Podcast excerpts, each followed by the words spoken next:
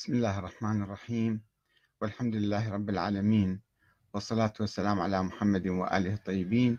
ثم السلام عليكم أيها الأخوة الكرام ورحمة الله وبركاته. ومرحبا بكم في برنامج أنت تسأل وأحمد الكاتب يجيب. الأخ علي الجعفري يسأل يقول أستاذ ممكن تعرف لنا الغلو؟ لأني دائما أتحدث عن الغلو والغلاة فهو الأخ يحاول أن يستفهم أو يتعرف بدقة على معنى الغلو والمعنى الذي أقصده. لأنه هذا موضوع آه، متشابه في الحقيقة. وبعض الناس مثلا قديما حتى عند الشيعة مثلا علماء قم في القرن الرابع الهجري أو في القرن الثالث كانوا يعتبرون آه، النبي يسهو أحيانا. ومن لا يقول بسهو النبي كانوا يعتبروه من الغلاة ويخرجوه من قم حتى لا يتهمون هم مجموعة آه، مجموعة من العلماء بأنهم هكذا غلاة ويغالون في النبي. كانوا يقولون النبي أيضا ممكن أن يسهو. وكتب مثلا الشيخ الصدوق عقائد الإمامية فجاء المفيد بعد ذلك وقال أنه هذا كان مقصر. أو يعني عموما كان هناك آه، رأيين وموقفين. بعض العلماء كانوا آه، ينظرون إلى الأئمة نظرة معينة آه، مثلا لا يقولون بعصمتهم. علماء الشيعة يقولون الأئمة علماء أبرار. في زمن الإمام الصادق في زمن الأئمة كان هناك خط معتدل. عام يعني ينظر إلى الأئمة نظرة معتدلة يقول الأئمة علماء أبرار. هناك من يقول لا الأئمة مثلا مو فقط علماء أبرار إنما هم معصومون يوحى لهم ينزل عليهم وحي عندهم علم لدني وما إلى ذلك. فالتيار الآخر التيار المعتدل كان يعتبر هذا غلو. والغلاة الذين يقولون بهذه الأقوال يعتبرون العلماء الذين لا يقولون بذلك مقصرين يسموهم مقصرين. ذولا يعني ما يعرفون مقامات الأئمة. وحتى الآن هذا الجدل موجود بين التيارات الشيعية المختلفة. تيار شيعي مثلا معتدل يرى بأنه الأئمة يعني ماذا تعني العصمة؟ هم معتصمون بالله بحبل الله ولكن الله ما مكتفهم بحيث يكونوا معصومين غير قادرين على اقتراف السيئات أو الأخطاء أو الذنوب. لا هم من أنفسهم كانوا ناس عدول ومتمسكين بحبل الله وبالشريعة الإسلامية. هناك تيار آخر يقول لا هذا هذا تقصير جدا بحق الأئمة ولازم إحنا نقول بهم كذا وكذا. وإذا أجينا ناقشنا بعض الأمور هنا أيضا بعض الأخوة في صفحتنا يقولون أنت تنزل الأئمة عن مقامهم. يجب أن تؤمن بهذه المقامات. طبعا إذا إحنا راجعنا تاريخ الشيعة في القرون الثلاثة الأولى لوجدنا تيارات مختلفة. فعلا كما قلت لكم تيار ينظر إليهم كعلماء أبرار وتيار آخر ينظر إليهم كمعصومين معينين من قبل الله. تيار يقول لا وكلهم يستندون على روايات تنسب إلى الأئمة والغلاة درجات مرة واحد يقول الإمام مثلا معصوم أو عنده علم من الله. مرة يقول لا ينزل عليه وحي الملائكة ينزلون عليه. هذه درجة أخرى. مرة أخرى أو ناس آخرون يقولون بأن الأئمة عندهم علم الأولين والآخرين عندهم علم غيب. هذا بعد درجة أعلى. ومن الغلاة من ينسب الأئمة إلى أنهم أعلم من الأنبياء والمرسلين. عندهم علوم الأولين والآخرين فهم أعلم ما عدا النبي محمد طبعا يستثنون فهذا أيضا غلو. وترون أن حركات أخرى وتيارات أخرى ولو انقرضت هذه التيارات ولكنها كانت موجودة. يقولون الأئمة أنبياء أصلا. ما دام يوحى لهم تنزل عليهم الملائكة فهم أنبياء. ما فرق لا يوجد فرق بينهم وبين الأنبياء. ومنهم من رفع الأئمة أكثر فأكثر فقال إنهم آلهة. ذول الخطابية الفرقة الخطابية الملعونة. وأيضا هناك درجة أقل من هؤلاء الخطابية أنه الأئمة هم سكرتارية مال الله سبحانه وتعالى. يعني هذا المفضل بن عمر زعيم الفرقة المفوضلية عنده حديث مشهور. وبعض الناس يأخذون حديثه ويصدقون به. يقول قال الإمام الصادق ينسب كلام الإمام الصادق. نزهونا أو نزلونا عن الربوبية وقولوا فينا ما شئتم. يعني الخلق والرزق والحياة والموت والحساب وكل شيء هم بيديهم الكون هم يديروه. بإذن الله تعالى طبعا يقولون مو وحدهم حتى لا يصيرون كفار مرة واحدة. فيلفون كلامهم بهالكلام بهالشروط هذه. بس بالنتيجة طبعا هذا شيء كله خيالي وهمي فهذه درجات درجات بالغلو. طيب طيب بعض الناس يقولون هم الأئمة كانوا يقولون ذلك؟ حسب الروايات الموجودة بالكافي وغير الكافي. كلها تروى عن الباقر وعن الصادق أنه نحن كذا نحن كذا نحن ينزل علينا الملائكة ويوحى لنا والأئمة محدثون فإحنا ماذا نفعل؟ فأنت كلامك تقصير. هذا هو مقام الأئمة. العظيم لا امتداد للنبوة خلفاء النبي. وبالتالي من لا يعتقد بهذه الأمور هو مقصر. يذبون التهمة على الآخرين.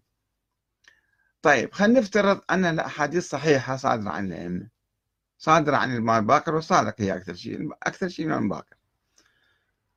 زين إحنا خلينا نفترض الباكر في المرجع. خلينا نفترض مرجع عالم. الآن أي مرجع موجود الآن؟ المرجع كيف ننظر له؟ أيضا حتى بالمراجع هناك غلو طبعا سنجي نتحدث عنه. آه، إذا قال كلاما قال أنا يوحى إلي أو قال تنزل عليه الملائكة ألا يحق لنا أن نقول له ما هو دليلك؟ كيف تقول ذلك؟ يعني هو بعد ما إحنا ما معتقدين به أنه إمام معصوم أو نبي معين من قبل الله. هو إنسان إنسان عادي الآن. وإحنا أجينا وسمعنا من عنده يقول هالكلام هذا. فنقول له أنت على أي أساس تتكلم هذا؟ شنو دليلك أنت من؟ أنت نبي يوحى إليك. شنو معجزتك؟ النبي محمد جاب معجزة. قاعد النبي وما عندي معاجز مادية. أنا معجزتي القرآن. أنت ما هي معجزتك. حتى إحنا نصدق بكلامك مثلا. هذا أول كلام. فما يصير دور. دور باطل في المنطق. فما يصير إحنا نصدق أقواله قبل ما نعرف من هو.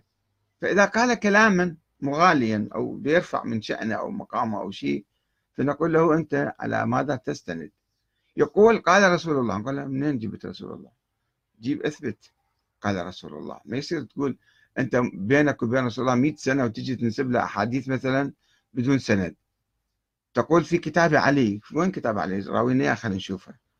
أو هل يوجد لعلي كتاب حتى تقول أنت في كتاب ضامة بيتك سري وتروي عنا أحاديث؟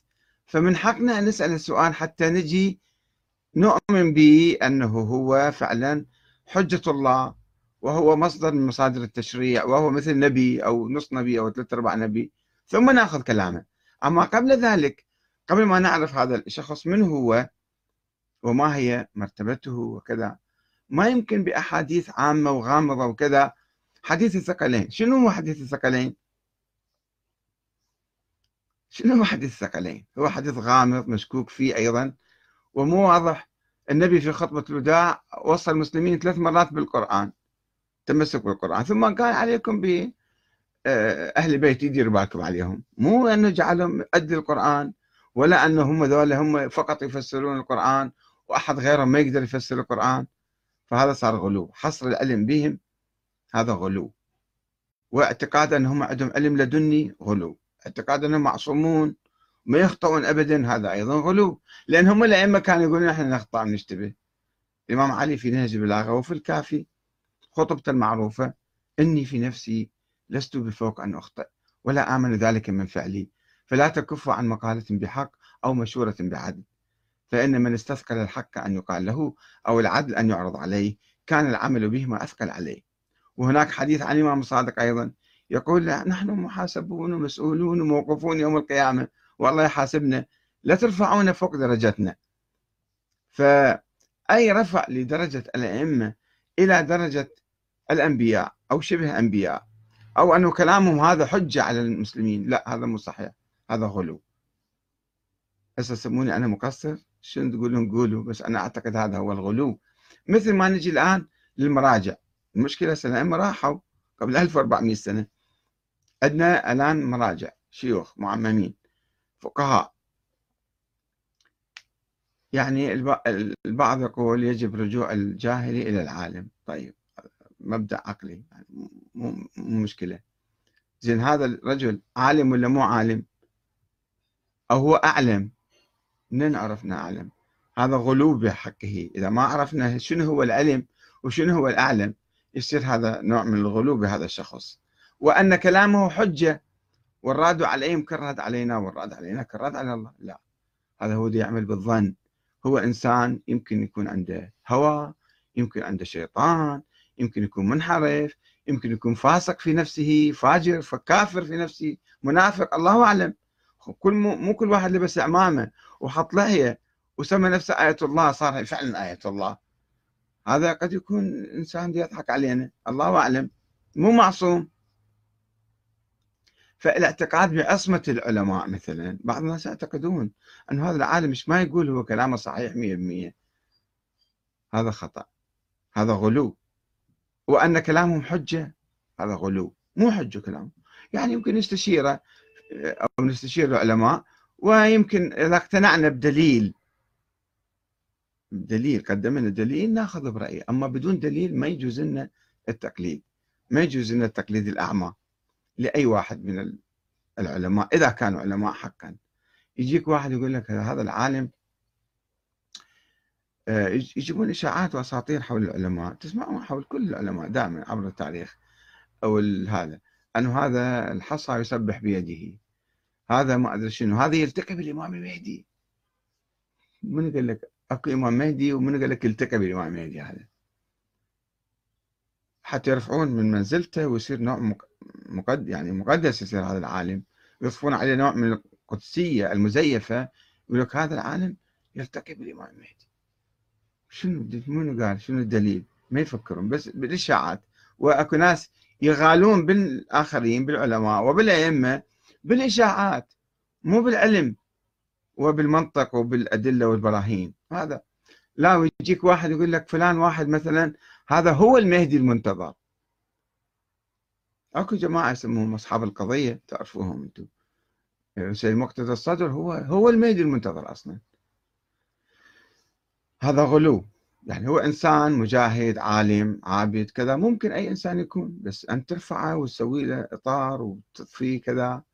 واساسا ما أتحدث عن دول الدجالين الموجودين اللي يقول لك أنا اليماني وأني الخراساني وأني ما أدري شنو اللي بناء على بعض الأحاديث وكشمرون الجهال البسطاء السذج أنه هذا آه، يصير كلامه بعد هذا اليماني يلتقي بالامام المهدي ويجيب هذا. أو يبثون إشاعات أن فلان واحد هذا يجلس مع الإمام ويشرب شاي وياه ومزوجة أخته و... إشاعات. وعلى على الناس البسطاء الأميين السذج تمشي هالإشاعات. ومن تسألهم قلت لا لا إحنا ما قلنا. طبعا هي إشاعة ما حد ما يتحمل مسؤوليته. حتى لو تسالون المراجع هل تتقون بالإمام المهدي يقول لك لا ابدا ما ماكو شيء يعني ما يلتقي. بس الجماعة اللي حواليهم يبثون الإشاعات ويمشوهم وبالتالي يصنمون هؤلاء يعني يجعلون منهم اصناما ويجعلون منهم مصدر. حتى ألقاب الألقاب آية الله وحجة الإسلام. شنو حجة الإسلام؟ القرآن هو حجة الإسلام بعد ماكو غير حجة الإسلام. أي إنسان يمكن ناخذ من عنده ونرد عليه ونناقشه ونشوف إذا كلامه عنده عنده دليل وبمنطق ناخذ كلامه. أما أكثر من هذا ما يحق أن نقدس أي أحد ونعتبر كلامه وحي منزل من الله تعالى. وهذا هو ممثل الله في الأرض. هذا مو صحيح هذا غلو. غلو بالمراجع. مو فقط في الأئمة الغلو. الغلو عندنا اليوم هاي المصيبة مالتنا. أنه في المرجعيات كانوا ذولا ما يخطئون ولا عندهم هو عندهم صراع سياسي وعندهم صراع المرجعية. وشفتوا هذا السيد محمود الهاشمي اجى للنجف هذه يطرح مرجعيته الله يرحمه. أه صار يوزع رواتب. بقية المراجع؟ لا ممنوع. إذا واحد ياخذ راتب من السيد محمود نقطع راتبه. وحاصروه وعزلوه ليكون هذا يتوسع ويعني وبعدين طردوه من النجف شال غراضه وراح. الله يرحمه. فأكو فتاوى على سيد محمد حسين فضل الله. يعني هالفتاوى منين صدرت؟ من أسماء لامعة. كلها يتهمون إنسان عالم مرجع كذا. هذا ضال مضل. ليش؟ لأنه ينافسهم على الخمس مثلا أو كذا فأكو صراع يعني ناس بشر عاديين هم مو معصومين ولا مقدسين ولا كذا فمن خطأ أن نغالي فيهم. يجب أن نخليهم مثل الناس العاديين. إذا كان عندهم علم فهم علماء. إذا إذا. أكد على كلمة إذا لأنه كله دعايات. بالدعاية فوتوكوبي كله. رسائل عملية شنو فرق عن واحد, واحد عن الآخر؟ كله فوتوكوبي وما فيها شيء يعني ما فيها شيء جديد. بس الأحوط كذا والأحوط وجوبا ما صار علم هذا.